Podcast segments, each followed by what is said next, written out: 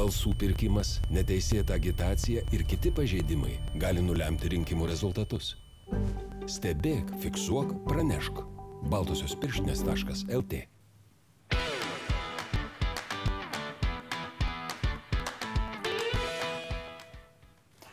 Sveiki, sakau Laisvės televizijos žiūrovams ir tiems tikriesiems mūsų šeimininkams, be kurių nebūtų ne vienos laidos ir ne vienos transliacijos, nes jūsų parama leidžia mums kurti tai, ką jūs matote eteryje. Jeigu nesat mūsų užsiprenumeravę, tai paspauskite tą varpelį ir tikrai nepraleisit ne vienos mūsų laidos, nei transliacijos.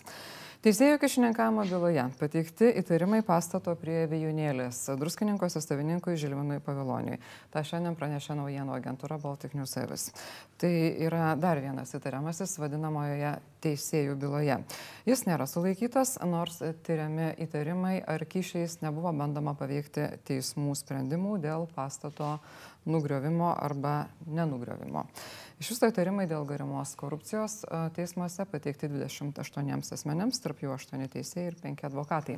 Specialioje Laisvės televizijos laidoje šiandieną yra Teisėjų tarybos vicepirmininkas Ramūnas Gadliauskas, Ruta Kaziliūnaitė iš STT korupcijos prevencijos valdybos viršininkė, Remigijus Merkevičius advokatas ir Vilniaus universiteto docentas, taip pat Saulis Versetskas generalinės prokuratūros baudžiamojo persekiojimo departamento vyriausiojo prokuroro pavaduotojas.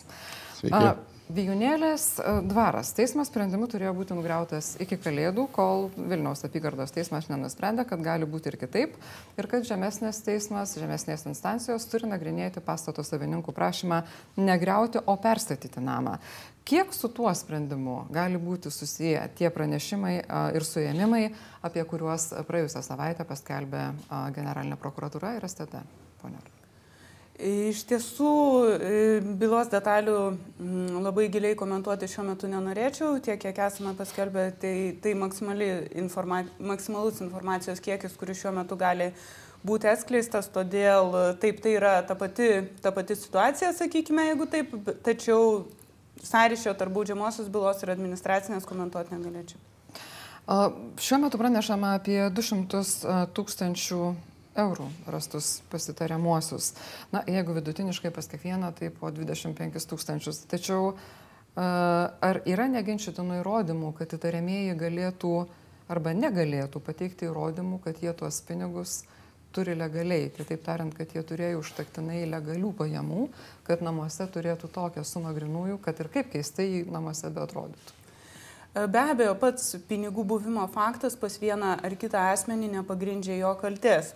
Ir vien iš pinigų buvimo fakto kalties ar įtarimų šioje stadijoje proceso būtų teisingiau kalbėti apie įtarimus niekas ir nekildina.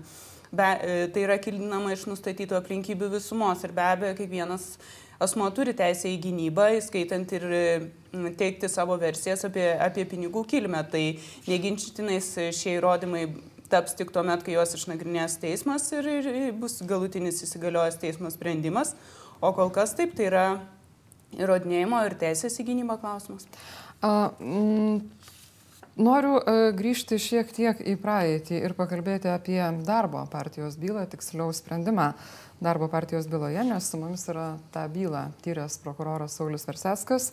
Ir kaip tik tai prieš porą metų buvo tas aukščiausiojo teismo sprendimas, kurį komentuodama kolegijos tos teisėjai žinių radijoje kalbėjo, kad Viktoras Uspaskikas neturėjo tikslo nemokėti mokesčių, jis tik tai turėjo tikslą nemokėdamas mokesčių turėti truputį daugiau pinigų.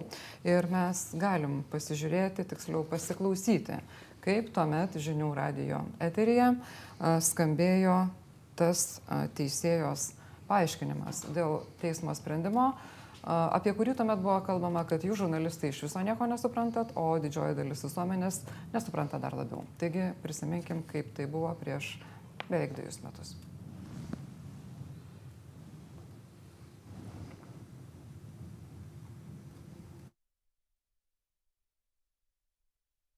Tam, kad būtų sukčiavimas, būtina tiesioginė tyčia, kad kai O, o teisėjų kolegija to nenustatė, kadangi, e, kadangi netiesioginė tyčia, ką reiškia? Reiškia, kad jisai suprato savo pavojingą elgesį, mes to neginčysim.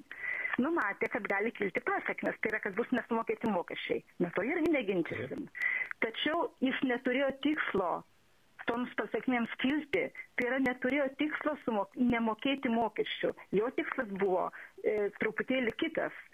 E, nemokant mokesčių, turėti pakankamai pajamų savo partijos, na ne savo darbo partijos reikmėms.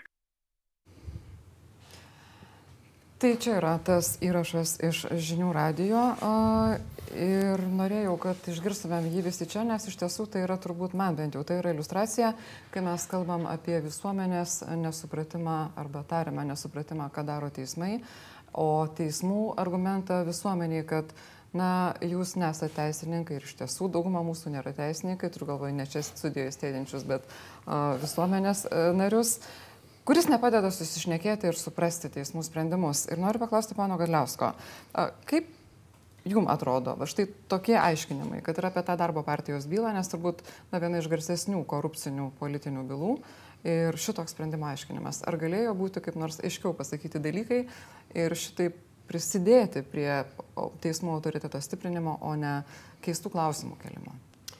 Na, galiu tik užjausti teisėją, kuri bandė turbūt specifinės konkrečios veikos dispozicijos vingrybės paaiškinti visuomeniai paprasta kalba. Ir žinoma, kad tai galėjo būti padaryta žymiai geriau. Tam ir yra skirtos tam tikros mūsų ir mokymo priemonės, ir bendravimas, kad paprasta, vadinkim taip, žmonių kalba paaiškinti tuos kai kada labai sudėtingus teisinius dalykus. O kaip jūsų paties vertinimu, ar dabar visuomeniai teikiama pakankamai informacijos apie tą operaciją, vadinkim tai, prieš advokatus ir teisėjus? Kaip teisėjo nuomonė?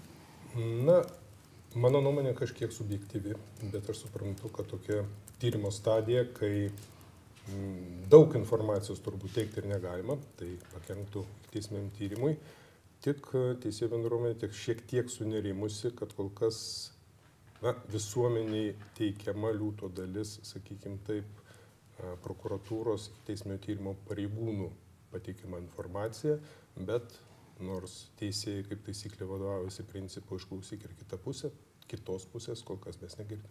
Na, mes kaip tik bandom išklausyti jūsų kaip teisėjų bendruomenės atstovą, nes išklausyti tuos žmonės, kurie yra ypač sulaikyti, na, turim šiokių to, tokių problemų. Nebūtų taip lengva mums čia pasikviesti studiją ir sakyti, papasakokit, kaip jaučiatės.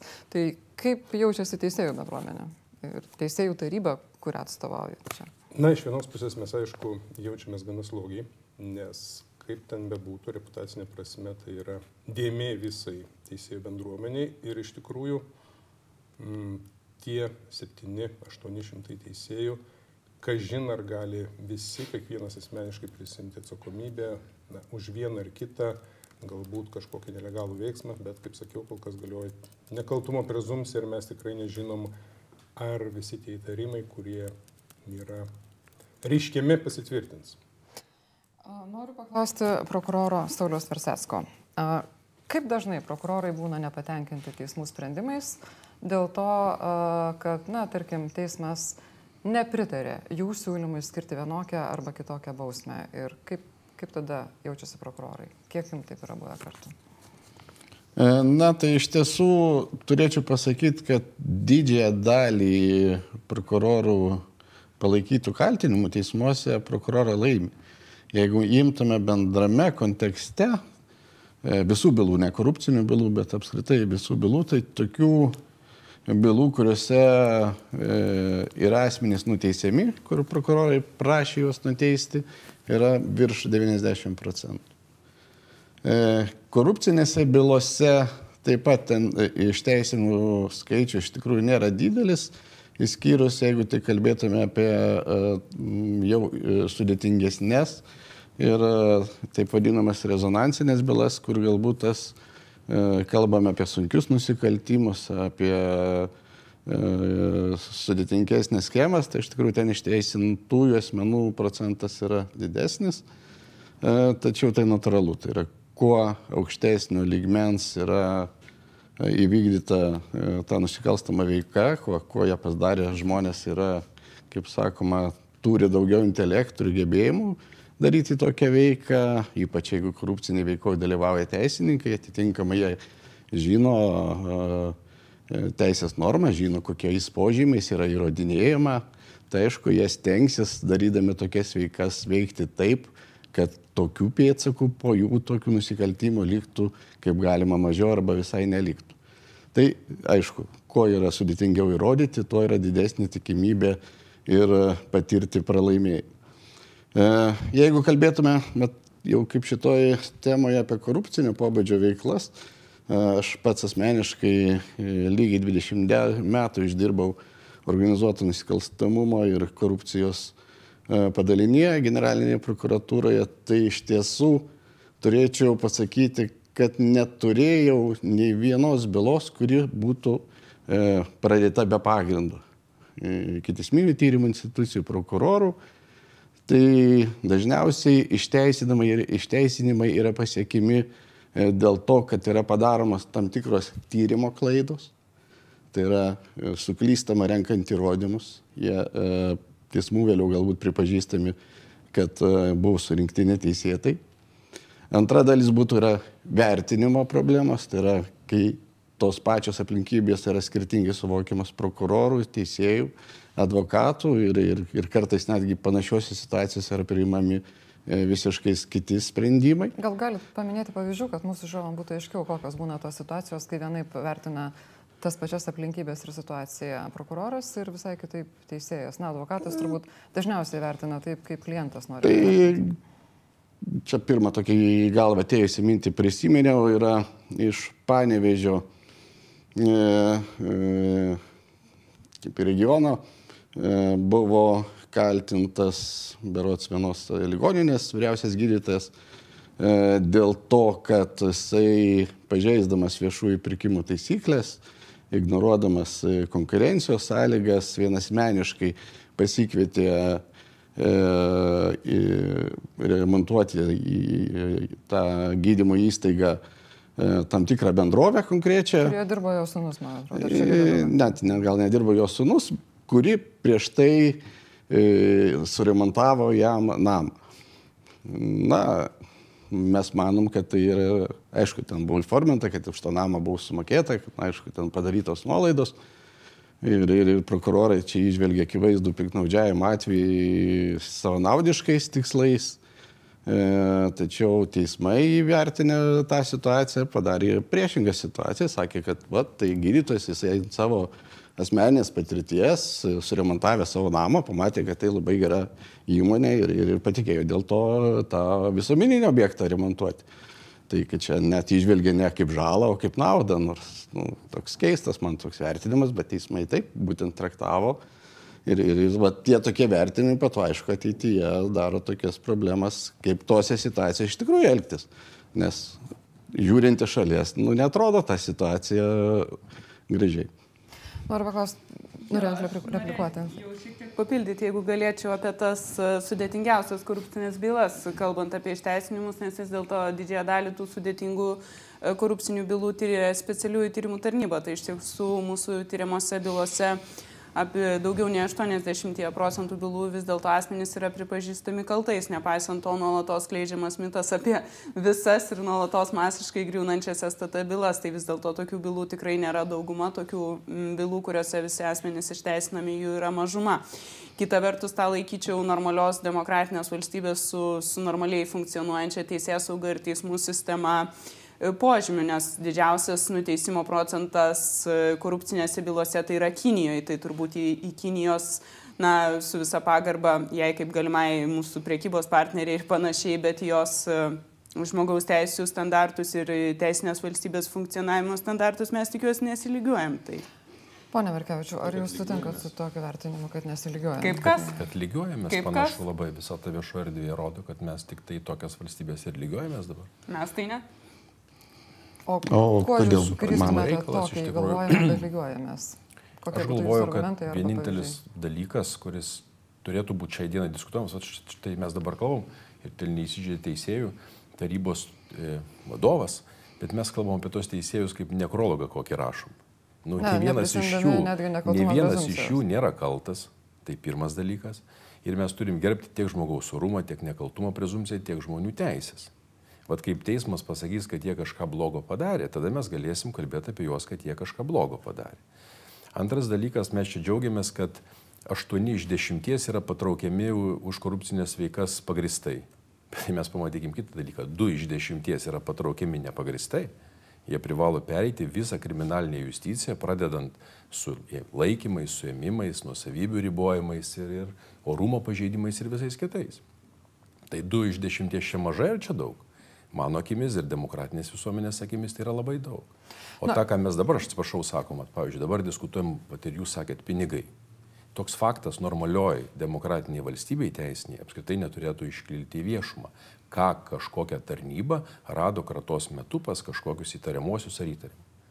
Tai gal, stebuklas. Gal tai yra susijęs su to, kad na, tyrėjai jaučia spaudimą, nes visuomenė nori žinoti apie, apie tą bylą. Bet mano klausimas ir buvo, ar tai, kad keistai skambanti pinigų, grinųjų pinigų suma, ar tai jau būtinai yra nusikaltimas, ar kad jie gauti nusikalstamų būdų? Ne, kaip ir minėjau, pats grinųjų pinigų buvimo pas asmenį faktas nėra uh, nusikalstamos veikos e, vienintelis įrodymas ir e, niekas tai Ar jis yra apskritai įrodymas? Sakote, tam tikrame kontekste tai galėtų būti įrodymas, tačiau įrodomoji reikšmė tų pinigų jinai nevertinama atsietai nuo visų kitų bylos aplinkybių, kurios yra byloje nustatinėjamos, o vėliau bus arba nebus patvirtintos teismo nuosprendžių.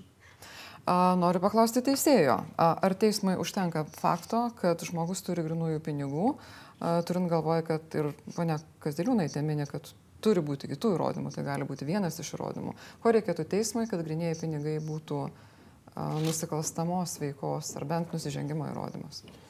Na, aš nežinau apie kokią konkrečią bylą mes kalbėtumėm. Jeigu mes kalbėtume apie kokį nors neteisėtą praturtėjimą, tai galbūt vienokia būtų įrodinėjimo reikšmė įrodomoji tų grinųjų pinigų radimo, jeigu asmo negalėtų pagrysti iš kur jisai tą sumą gavo, galbūt teismas įvertintų tai kaip pakankamai svarių įrodymų. Bet um, šiuo konkrečiu atveju aš tikrai nesuprantu, kokią reikšmę išskyrus viešuosius ryšius turėjo šitos informacijos paviešinimas. Na, atsiprašau, tai yra teisėjo metinis atlyginimas. Kadangi kolegos jau turbūt ilgus metus dirba teisėjais, tai nemanau, kad jie negalėjo per metus kitus sutaupyti tokią sumą vien iš tų realių pajamų. Jeigu pareigūnai turi duomenų, kad būtent tie rasti pinigai yra gauti iš kažkokios nelegalios veiklos, tai galbūt tai reikėjo ir informuoti. Gal turi ir mes šiandien sužinosim, nes kitaip iš tiesų galima sakyti, kad tai lieka na, kaip a, tiesiog viešųjų ryšių pranešimas ir viskas. Na, visos e, tų pinigų gavimo, e, radimo aplinkybės ir e, tyrimo versijos, kokia yra šių pinigų kilmė ir kaip jie galėtų ar negalėtų būti pagrindžiama, tai yra iki teisminio tyrimo duomenys, kurie jų visa visuma be abejo galės būti paviešinta tik tada, kai tai bus išnagrinėta tai baudžiamą bylą nagrinėjančio teismo posėdėje. Tai šiandien to ne, tikiuosi nedarysime. Na, iš tiesų mes netgi negalėtume pasakyti, kad būtinai, tikrai negalim pasakyti, mano tas aritmetinis padalymas tai buvo tiesiog kaip iliustracija, nes mes nežinom, galbūt pas kai kuriuos nebuvo rasta grinųjų pinigų iš viso, a nei euro, galbūt čia pas vieną asmenį, aš tikrai to nežinau, nes to nebuvo pranešta. Po tos darbo partijos bylos nuosprendžio, kur na, tikrai buvo painiai aiškinamas ir argumentuojamas toks sprendimas, buvo netmetama, kad na, kažkaip reikėtų komunikuoti aiškiau. Ar pasikeitė kas nors teismų komunikacijoje per tuos na, dviejus su trupučiu metus nuo darbo partijos nuosprendžio. Pone Verseskai, kaip jums atrodo?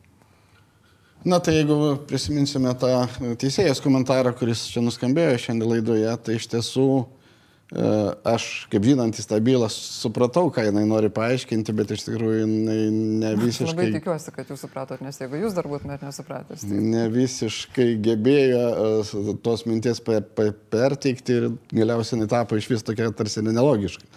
Tai iš tiesų teisėja, manau, matyti turėjo mintyje tai, kad e, mokesčių vengimas toje byloje nebuvo pagrindinis tikslas tų kaltinamųjų nes tai buvo tik šalia e, susiformavusi nusikalstama veika, siekiant tam tikros ekonominės naudos. O iš tikrųjų, mokesčių visada siekia ekonominės naudos. o iš tikrųjų pagrindinis tikslas, ką aš ir savo baigiamojo kalboje buvau, kad ne, ne ekonominiai motyvai buvo, o politiniai, būtent neteisėtų finansavimų užtikrinti politinės partijos nesažiningą, neteisėtą veiklą politinėje sistemoje. Čia yra buvęs esmė. Juk mes nustatėme 25 milijonus beveik litų panaudotų per 3 metus partijos veikloj. Juodų, neapskaitytų pinigų.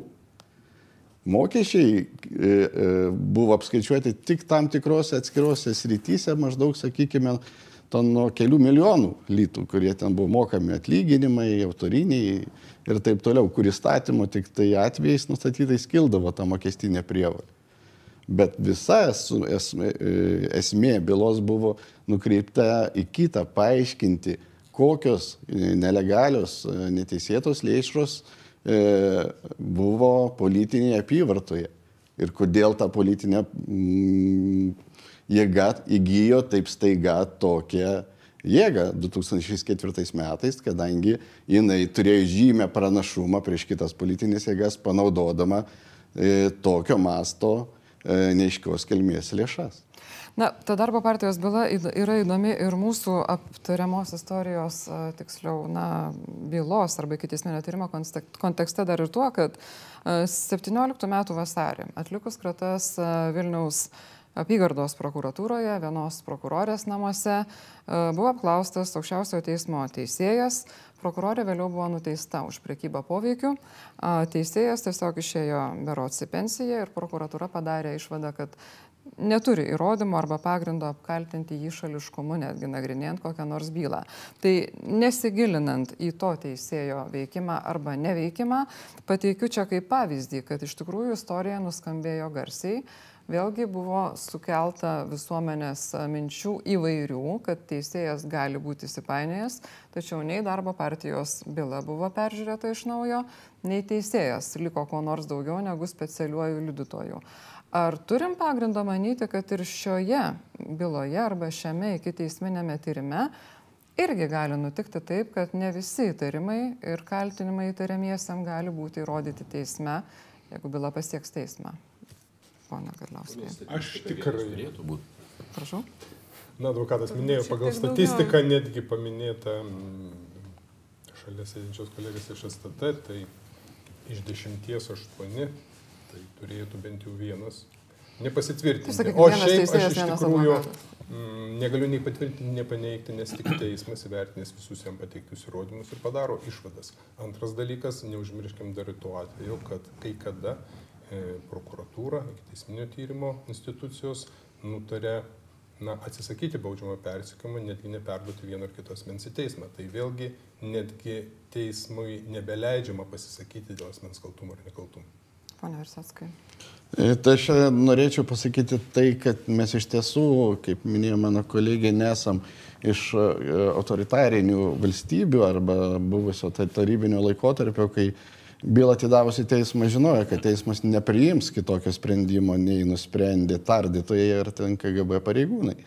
Tai iš tiesų mūsų teisės saugos pareigūnų, iki teisminio tyrimo pareigūnų, prokurorų uždavinys tas, tuos įtarimus, e, tuos faktus, kurie e, iškilo tyrimo pradžioje, patikrinti, surinkti įrodymus ir įvertinti. Ir iš tikrųjų to proceso e, pasiekoje taip pat visiškai čia pritariu, galioja nekaltumo prezumcija ir tie įrodymai bus renkami, daromi ir po to priimami galutiniai sprendimai. Ir šiandien e, mes patys tai jau tikrai negalim čia tokios prognozijas daryti, nežinodami tos bylos, nežinodami tos bylos domenų, bet manau ir pareigūnai iš ankstinių nuostatų, e, kad jau visi bylos tie įtariamieji bus atiduoti į teismą. Gali būti taip, kad gali būti priimtas sprendimas, galbūt prieš kurį įtarimai iki teisminį tyrimą ir nutraukti. Tai yra notaralu. Tai reiškia, kad tyrimas buvo daromas subjektyviai ir, ir, ir, ir viskas įvertinta. Ir jeigu pradžioje įtarimas buvo, jisai buvo paneigtas tyrimo eigoje. Lygiai taip pat atidavus į teismą gali būti, ten jau bus ginčas tarp gynybos ir kaltinimo. Vėl teismas, kuris nagrinės bylą, vertins argumentus. Tai ar prokurorai vis dėlto teisys, ar, ar gynyba, kurie pateiks savo dalyvių ir bus sprendimas arba apkaltinamasis arba išteinasimas į nuosprendį. Tai yra normalus demokratiniai procesai vykstantis dalykas. Ir, ir tai kaip advokatas sako, čia baisu, kad du iš aštuonių yra išteisinami. Tai nebaisu, tai yra šaunu, reiškia, gynyba taip pat dirba. Ir taip pat sugeba teismus įtikinti, kad būtų ir išteisinami nuosprendžiai priimami. Ta. Jeigu būtų nuteisimi dešimti iš dešimties, tai sakyčiau, kad yra nelabai gerai kažkas. Aš tai irgi sistema. sakyčiau, bet aš nebūčiau tikra, kad tie du Beje, bus dėl, labai laimingi dėl to, ką jam teko patirti. Dėl tų dviejų aš gal galėčiau irgi šiek tiek papildyti nemažoje dalyje tų, į, į, a, tais atvejais, kada asmenys yra išteisinami, ypatingai sudėtingose, komplikuotose korupcinio pobūdžio bylose, labai dažnai išteisinančio išteisinama į nuosprendį priemančio teismo motyvuose būna pasisakyta, kad asmuo atliko tam tikrus neteisėtus veiksmus, kurie turėjo piknaudžiavimo požymių ir paskui vėliau nagrinėjant civilinės bylas, kuomet asmenys kreipiasi jau e, buvę įtariamieji kreipiasi dėl žalos padarytos atlyginimo, e, bent jau mūsų bylose, tose dviejose iš dešimties Absoliučia dauguma atvejų teismai atmeta tuos ieškinius dėl civilinės žalos. Pagrindinis motyvas yra tas, kad asmuo savo veiksmais vis dėlto sudarė prielaidas manyti, pagristai įtarti, kad jis galimai daro nusikalstamą veiką. Netgi vienoje iš pačių garsiausių, na, taip vadinamų sugriuvusių bylų, pats aukščiausiasis teismas yra pasakęs, kad e, formaliai įtariamųjų tuo metu jau kasatorių veiksmai sudarė piknaudžiavimo sudėti, tačiau na, dėl tam tikrų aplinkybių, teismų praktikos ir, ir aibės kitų motyvų jie buvo išteisinti, tačiau paties aukščiausio teismo yra pasakyta, kad taip jų veiksmai atitiko piknaudžiavimo sudėti. Tai vėlgi tai net ir tais e, atvejais, kada asmenys yra išteisinami, taip, baudžiamosios teisės prasme juos privalu laikyti nekaltais ir mes gerbėme jų nekaltumo prezumciją, tačiau patys teismai pripažįsta, kad na, ne, nebe jų pačių indėlio susidarė prielaidos baudžiamajam persikėjimui. Bet ar tai padeda tikėti teismais, nes ir tai, ką jūs dabar kalbate, tai na, žmonės girdė, aha, vadinasi, kažkas buvo, bet teismas neįrodė. Tai jeigu iš tikrųjų buvo, tai ar nėra taip, kad, na, kaip žmonės sako, išsuko? Galbūt taip, tačiau dažniausiai vis dėlto pasisakoma apie tuos pažeidimus, kurie pažeidimo faktas buvo. Bet įrodymų nebuvo. Tačiau galbūt jis nebuvo tokio pobūdžio ar tokio pavojingumo, kad turėtų būti vertinamas kaip nusikaltimas ir taikoma griežčiausia atsakomybės rūšis, tai yra kriminalinė bausmė. O tokiais atvejais gausų teismų pasisakymų būtent, kad taip įvertinus įrodymų visumą matyti, kad tam tikri veiksmai arba didelė dalis jų iš tiesų buvo atlikti, tačiau teismas pateikė nu, švelnesnį vertinimą, kad tai yra nebaudžiamosios teisės klausimas, o ten, admini, nu, gal ne administracinės, drausminės, tarnybinės ir kitokios atsakomybės klausimas, tačiau tas visiškas reabilitavimas yra tik tai baudžiamosios teisės prasme, o neteisėti paties įtariamojo tuo metu jau kaltinamojo statusą įgyjusio asmens veiksmai, jie labai dažnai yra konstatuojami, net ir iš teisinančių teismų nutartyse. Tai sakyti, kad tai yra visiškai nieko dėtas asmuo, tai baudžiamosios atsakomybės prasme jis yra nekaltas, tačiau savo veiksmų uh, savo veiksmais sukėlęs tas prielaidas baudžiamajam persekiojimui. Tai labai dažnas teismų motyvas tose jau išteisinamose bylose.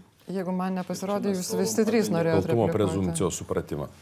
Jokio Taip. supratimo jūsų retorikoje apie nekaltumos prezumciją nėra nei krislo.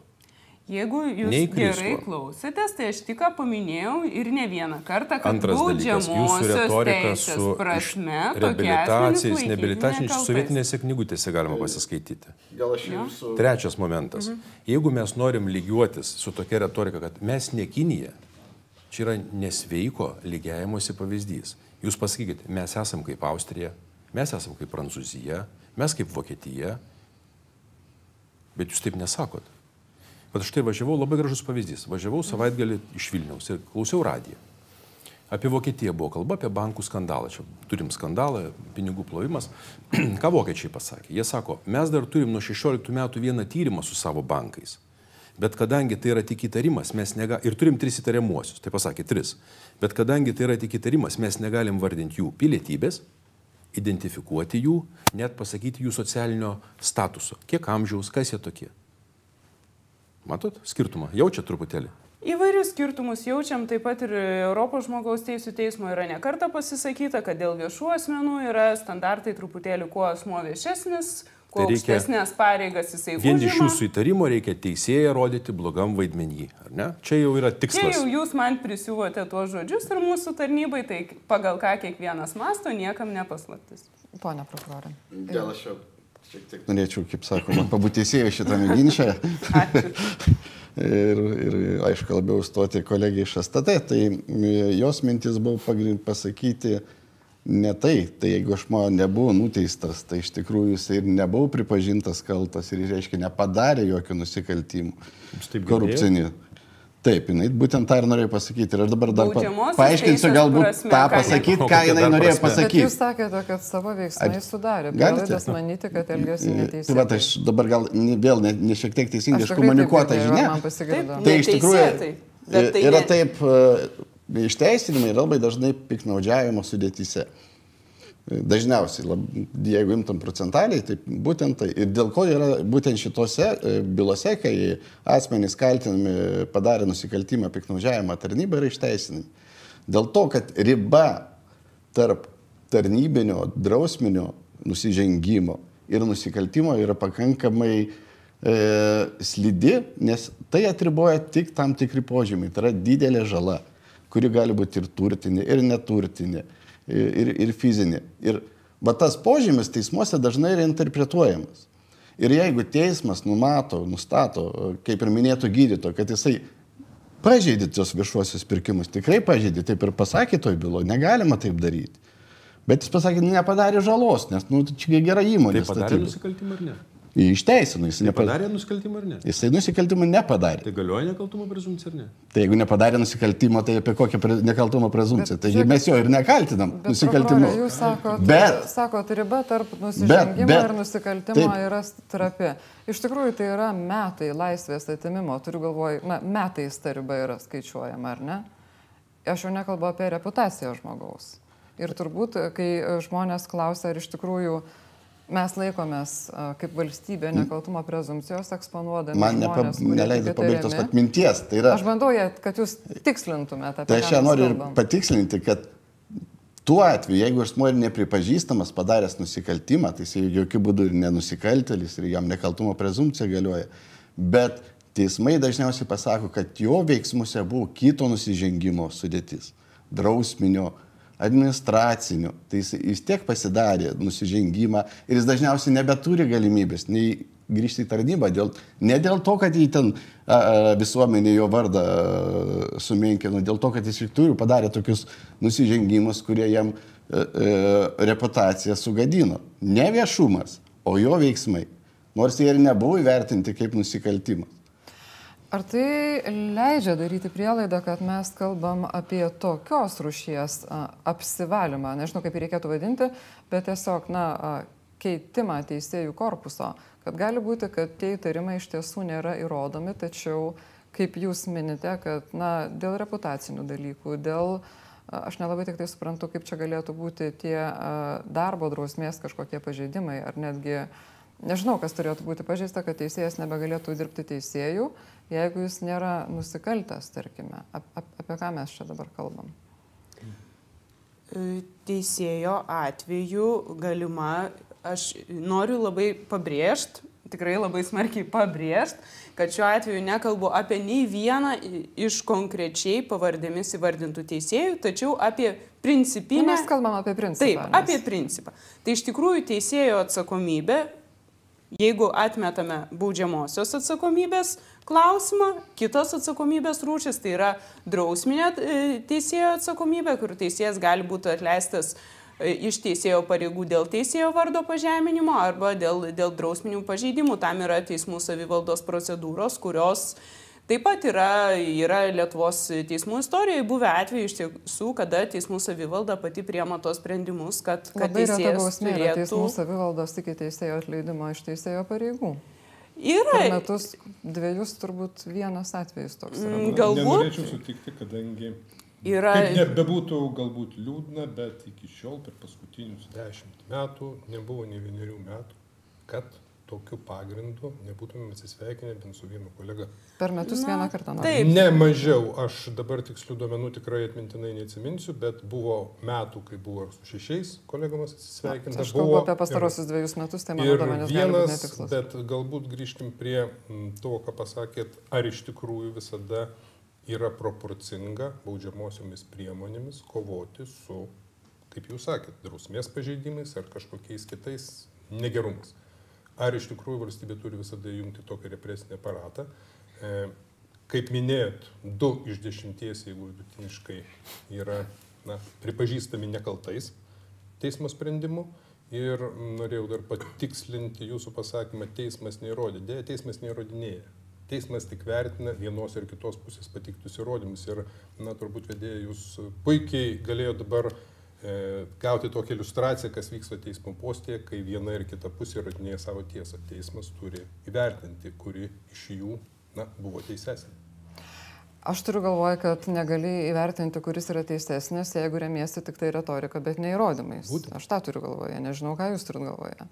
Ir e, dar vienas mano klausimas yra, kalbant apie tą e, nekaltumo prezumciją, tai na, ne vienas ir ne du žmonės ir mūsų žiūrovai taip pat e, kalba apie tuos nelemtus antrankius, kai teisėjai yra atvedami į, į teismą surakintam rankom, tuo tarpu kontrabandininkai, kurie minimi tam pačiam to paties tyrimo kontekste, ateina be antrankių. Ir ar tai, aš suprantu, kad yra konvojavimo taisyklės, kurias nustato ne STT ir ne prokuratūra, bet Tikrai taip. kaip, kaip apskritai tam kontekste atrodo požiūris į žmogų, kuris yra nekaltas, kol nėra pripažintas kaltu. Pone Merkevičiu. Tai aš tai ne- nematau iš tikrųjų, ką čia diskutuoti, atvirai kalbant. Tai ar yra atrodo tai gerai, taisyklės. Taip, tai yra elementarus galios demonstravimas. Labai elementarus. Ir toks labai ryškus, labai vaizdingas parodyti, kaip galima sutrypti teisėją specialiosioms tarnyboms, kaip galima sutrypti žmogišką prasme teisėją ir advokatą. Čia yra pademonstravimas toms dviems profesinėms institucijoms, kas gali padaryti, ką jos gali padaryti su žmogumis, kurių atėmus laisvėje tampa beteisiais. Be jokios atsakomybės toms institucijoms. Čia dar vienas labai svarbus dalykas. Tos institucijos, tie pareigūnai, kurie tą darė, jie neneša absoliutiškai jokios atsakomybės. Štai vad sakėt e, aspektą, pažiūrėt, kiek teisėjų yra atleistų. Teisėjų yra atleistų. Ar yra prokurorų atleistų už etikos pažeidimus, už nusikaltimus vienetai? Už ką atleidžiami prokurorai? Už girtumą. Dar blogiau, kai su automobiliu važiuoja. Tokių pavyzdžių priskaičiuotume už girtumą irgi ant abiejų. Jo, bet vieninteliai tokie tipiniai atleidimo iliustraciniai pavyzdžiai yra girtumas. Specialiųjų tyrimų tarnybos pareigūnus ar girdėjom atleistus už prievartos panaudojimą, už neteistų sprendimus, ar buvo tokių. Tai buvo už pareigūno vardo girdėti. pažeminimą. Viešai paskelbkite juos. Buvo paskelbta. Tai paskelbkite laikraštyje, kad girdėtų kaip ir apie teisėjus, kad toks ir toks padarė tą ir paskelbta. tą, tą ir tą. Buvo paskelbta. Papildyti, kad prokurorai. Kai buvo už ką, buvo, buvo, prokurorų, buvo atleista ir buvo Tai iš paskelbta. tikrųjų ne per seniausiai buvo atleista prokurorė, neatsimenu, ar iš apylinkės berots, kuri neteisėtai, piknaudžiaudama savo įgaliojimais, lindo į svetimas bylas ir suteikdavo informaciją. Ir tikrai už tokius piknaudžiavimus buvo atleista. Apie tai buvo paviešinta. Patvirtinti tiek prokuroro, tiek ir turbūt esate pareigūnė žodžius administraciniuose teismuose visų, sakyčiau, tiek jėgos struktūrų, tiek policijos, tiek kitų pareigūnų bylos dėl atleidimo pastoviai nagrinėjimas ir ten iš tikrųjų pakankamas skaičius pareigūnų atleistų už įvairius, na, taip pat tarnybinės drausmės ar kitokius veiksmus, kurie nesuderinami su pareigūnų vardu. Bet žiūrėkit. norėčiau papildyti, kad dažniausiai tai yra pačios institucijos imuniteto tarnybų atlikti tyrimai ir jų, kaip jų padarinys tie atleidimai. Tai reiškia, kad vis dėlto institucijos vidaus e, apsaugos mechanizmai nuo neteisėto pareigūno elgesio, jie egzistuoja, jie veikia ir kaip teisėjas tik ką patvirtino. Bet yra- klausimas yra kitas, kurį uždavė advokatas. Viešųjų ryšių prasme, čia ir teismai turėtų prisimti savo šiek tiek atsakomybės, tokie atvejai nėra pakankamai viešinami. Na, vienas iš paskutinių atvejų, kuris gal buvo šiek tiek daugiau nušviestas, tai yra Klaipėdos areštinės pareigūnai, kurie buvo atleisti iš tarnybos, nes naudojo neteisėtai, galiu taip teikti, fizinę jėgą prieš sulaikytą asmenį. Baudžiamąją prasme taip, jie buvo išteisinti, tačiau jie buvo atleisti iš tarnybos na, už tarnybinės drausmės pažeidimus. Tai labai būtų sveikintina, kad tiek teismų bendruomenė, tiek ir specialiosios tarnybos, jeigu iš tikrųjų įvyko tokie atvejai, taip pat būtų viešinama nei kiek nemažiau nei na, konkretus, pavyzdžiui, teisėjo atvejs. Teisėjas turi turėti tam tikrą apsaugą ir tarkim, na, netgi jeigu teisėjų draus, etikos ir drausmės komisija nori nagrinėti teisėjo elgesį, jeigu teisėjas priklauso teisėjų tarybai, turi gauti sutikimą teisėjų tarybos. Ar šitas iš vienos pusės suprantama teisėjų apsauga, iš kitos pusės nepadaro meškos paslaugos ir vėlgi neleidžia visuomeniai sakyti, žiūrėkit, jie patys tave saugo, kad štai neatsitiktų taip, kad tas, kuris nusižengia, kad ir pažeidamas uh, pažemdinamas teisėjo vardą dėl to, kad nemandagiai kalbėjo teismo posėdėje, nesulaukia tos atsakomybės, o ne baudžiamosios. Na, mato, tai elementarus, sakykime, saugiklis teisėjo nepriklausomumui. Čia ne tik kaip eilinio teisėjo, bet kaip teisėjų savivaldos atstovo. Mes turim ir, na, visoje visuomenėje įvairių, įvairiausių saugiklių juk profsąjungos e, vykdomojo kažkokio ar atstovaujamojo e, organo dalyvis taip pat negali būti atleistas, pavyzdžiui, iš darbo, iš tarnybos be tos e, profesinės sąjungos sutikimo. Turi kreiptis to sutikimo. Tai savisuomenė laiko, kad tai natūralu, kad tai yra apsauga profesinių sąjungų aktyvistams. Tai tam tikri saugikliai yra kiekvienoje institucijoje. Vyriausybė dabar kalba, kad ir teikia pataisas įstatymo, kad teismuose, bent jau kai kuriuose, kai kurių rūšių, sakykime, tai bylose, galėtų atsirasti tarėjai. Tai yra žmonės iš visuomenės, kurie neturi specialaus teisinio parengimo, iš tikrųjų aukštojo teisinio išsilavinimo, šiaip yra aukštojo išsilavinimo žmonės, kad tai kažkaip galėtų pagerinti teismų darbo kokybę. Ar tikit, kad tokia institucija tarėjo gali prisidėti prie teismų geresnio darbo? Galbūt ne prie teismų geresnio darbo, prie geresnio teismų įvaizdžio. Tai vienintelis. Tai dar viena viešųjų ryšių akcija.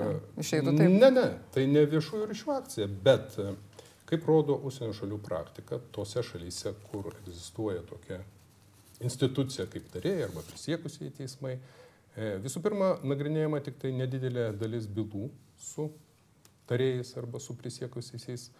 Antras dalykas, na, iš tikrųjų visuomeniai atsiranda galimybė tiesiogiai dalyvauti priimant vienokius ar kitokius sprendimus. Taip kad jau šiandien sakiau, kad teisėjų bendruomenė tikrai niekada nesipriešino teisė, prisiekusių teisėjų ar tarėjų instituto įvedimui. Mums turbūt bus netgi na, maloniau, lengviau, kadangi tą atsakomybę priimti sprendimus dalinsimės ne tik profesionalai, bet ir visuomenės atstovai. Bet visų pirma, įstatymų leidėjas turėtų apsispręsti, ar prisijims ir visas rizikas. Iš tikrųjų, procesas bus ir sudėtingesnis, ir ilgesnis. Reikės kompensuoti sugaištą laiką, atitrūkus nuo darbo tarėjams.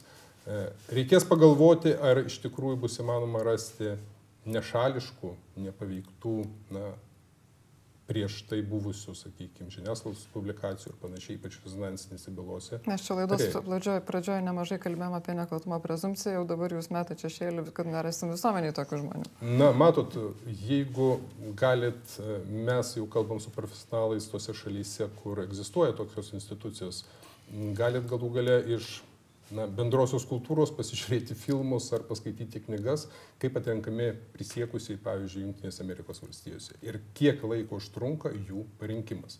Tai pagalvokim, ten yra keli šimtai milijonų, pas mus yra 3 milijonai. Jei tais pačiais standartais rinksime, aš labai abejoju, ar iš tikrųjų tai bus lengva. Na, iš bendrosios kultūros ir šiek tiek iš filmų, jeigu žiūrim į Amerikos patirtį, Tai ir visiškai nesena, jau prezidento Trumpo laikų, tai ten, kai bylos įrodymai yra renkami pasiklausimo būdu, tai tuomet sėdi teisėjas ir atrinkinėja, kad būtent tik tai tie įrašai, kurie būtent toje byloje būtų pateikiami uh, tuos, na, tą tyrimą atliekantiems pareigūnams. Ar Lietuvoje taip yra? Ar kas nors gali pasakyti, kad taip yra arba nėra, nes aš iš tikrųjų nežinau. Taip nėra. Tikrai taip nėra. Visa tai palikta iki teisminio tyrimo pareigūnų ir turbūt prokurorų, dėl to aš negaliu ginčytis, e, na, sakykim, sąžinė ir profesionalumu. Prokurorė, jūs čia daugiausiai iš mūsų. E, čia iš tikrųjų toksai yra dvilypis klaus, e, situacija gal labiau negu klausimas. E, čia yra ir įstatymo problema, e, kurios tikslai gal ir geri, bet iš tiesų e, iki baudžiamas procesų kodeksas, e, iki teisminių tyrimo pareigūnus ir prokurorus įpareigoja atrinkti tai, kas yra bylai reikšminga o visą kitą nedelsiant sunaikinti. Tai yra įstatymo reikalavimas. Tai yra, reiškia, prokurorų ir tyriejų pareiga, tarsi ir šitoj situacijai vienašališkai priims sprendimą, ar tai bylai reikšminga ar ne. Po ko e, gynyba dažnai teisme ir sako, kad vat, prokurorai atsirinko tai, kas yra naudinga, o tai, kas nenaudinga, tą sunaikino. Tai ar tai yra gera įstatymo norma ar negera, Čia, aišku, galima diskutuoti. Jeigu įstatymų leidėjas pakeis tą normą ir jinai bus kitokia, e, bus kitaip tie bylos įrodymai atrenkami ir perdodami teismui. Tačiau šiandien ir toks reikalavimas. Jeigu mes jo nevykdytume, mes iš karto susidurtume patys su proceso pažeidimu.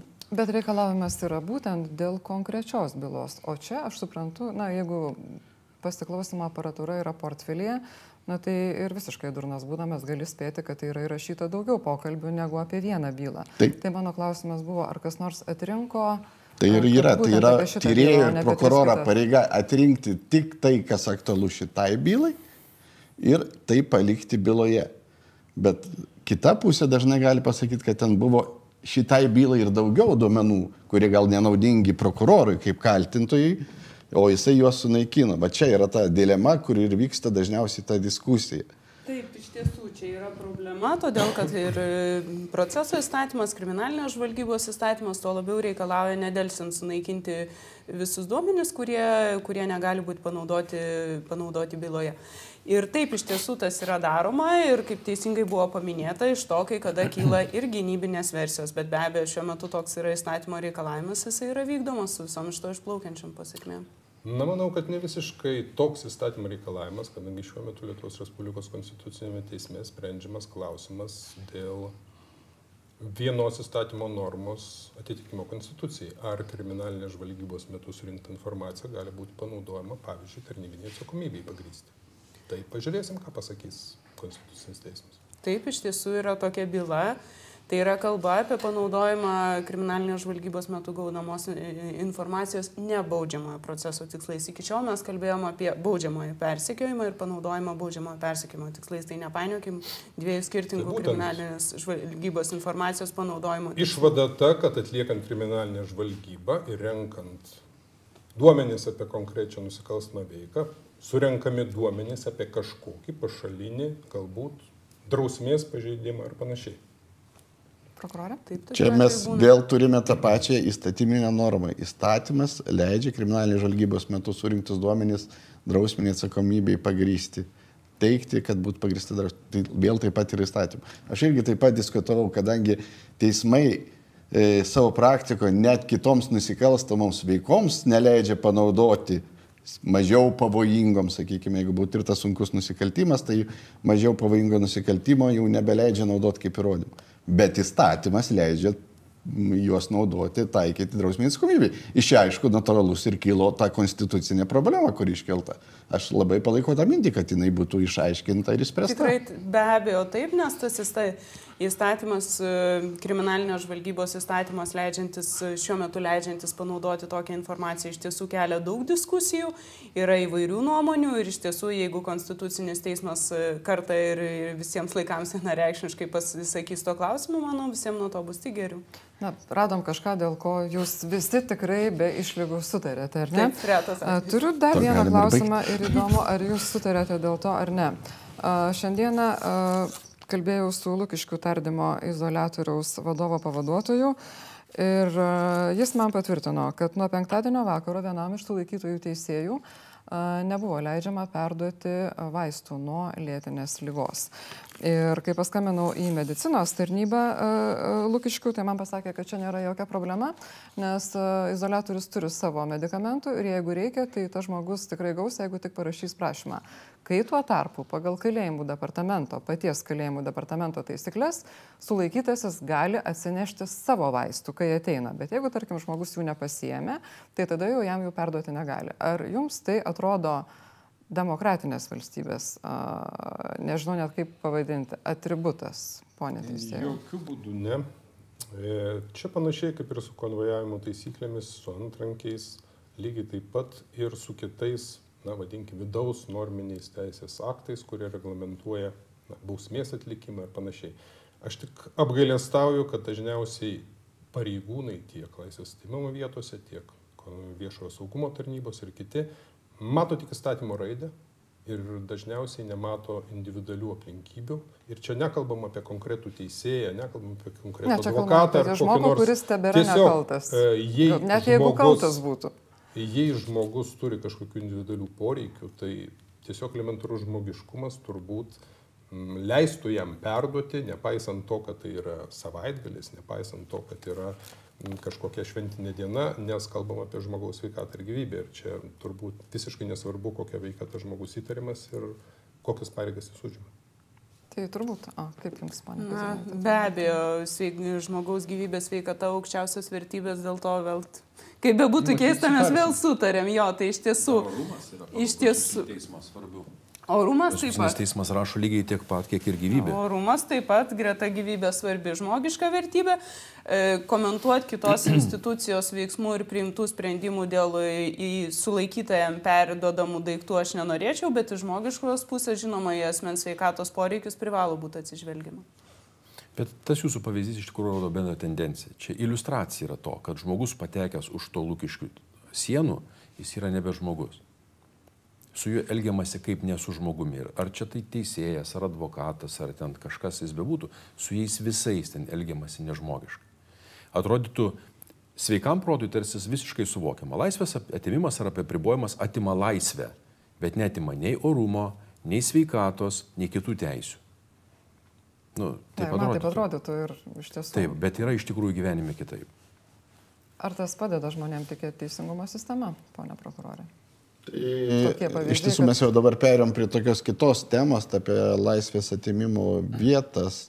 Turbūt ir, apie požiūrį į įtariamąją, tai. Tai sakyčiau. čia apie požiūrį tuose vietose, tai iš tikrųjų tai tikrai dar pakankamai matyta grandis, kuri turi nemažai bėdų ir čia vienas iš paskutinių ir, ir, ir pradėtų iki teisminių ir teismuose nagrinėjama ir tų kastų egzistavimas, kur E, žmogus e, patekęs į tokią įstaigą, e, nežinai, kur tu pateksi ir kaip su tavo orumu bus elgimasi, ar tu ten būsi gaidžių kastoje, ar, ar ten bahūrų, ne, nežinau, kaip jos ten skirstomas.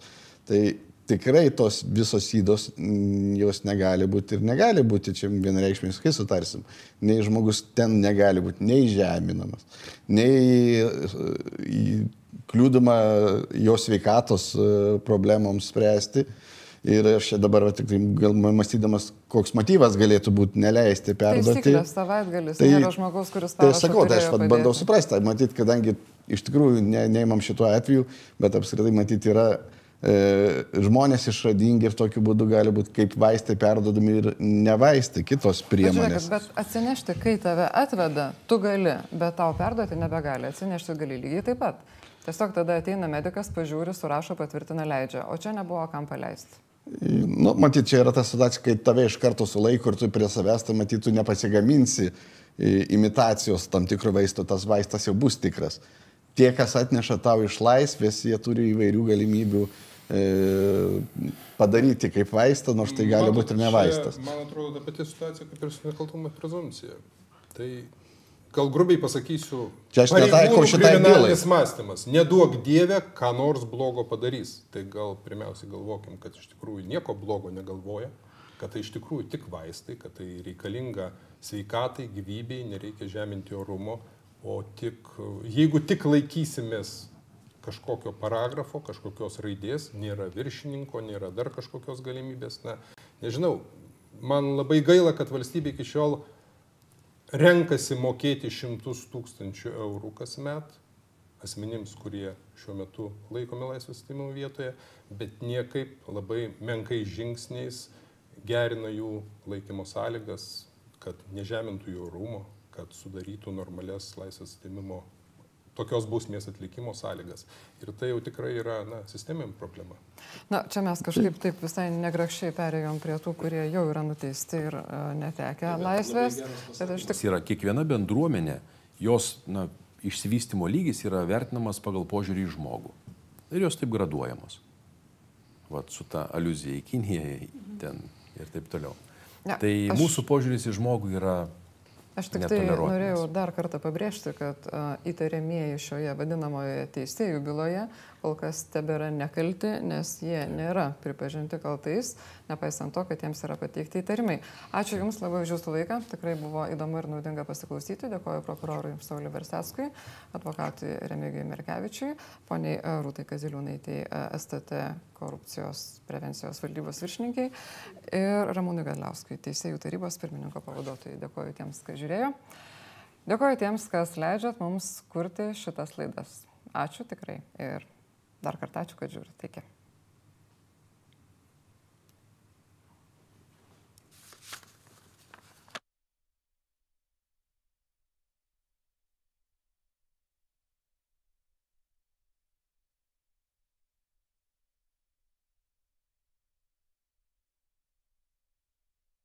tam, kad būtų sukčiavimas, būtina tiesioginė tyčia, kad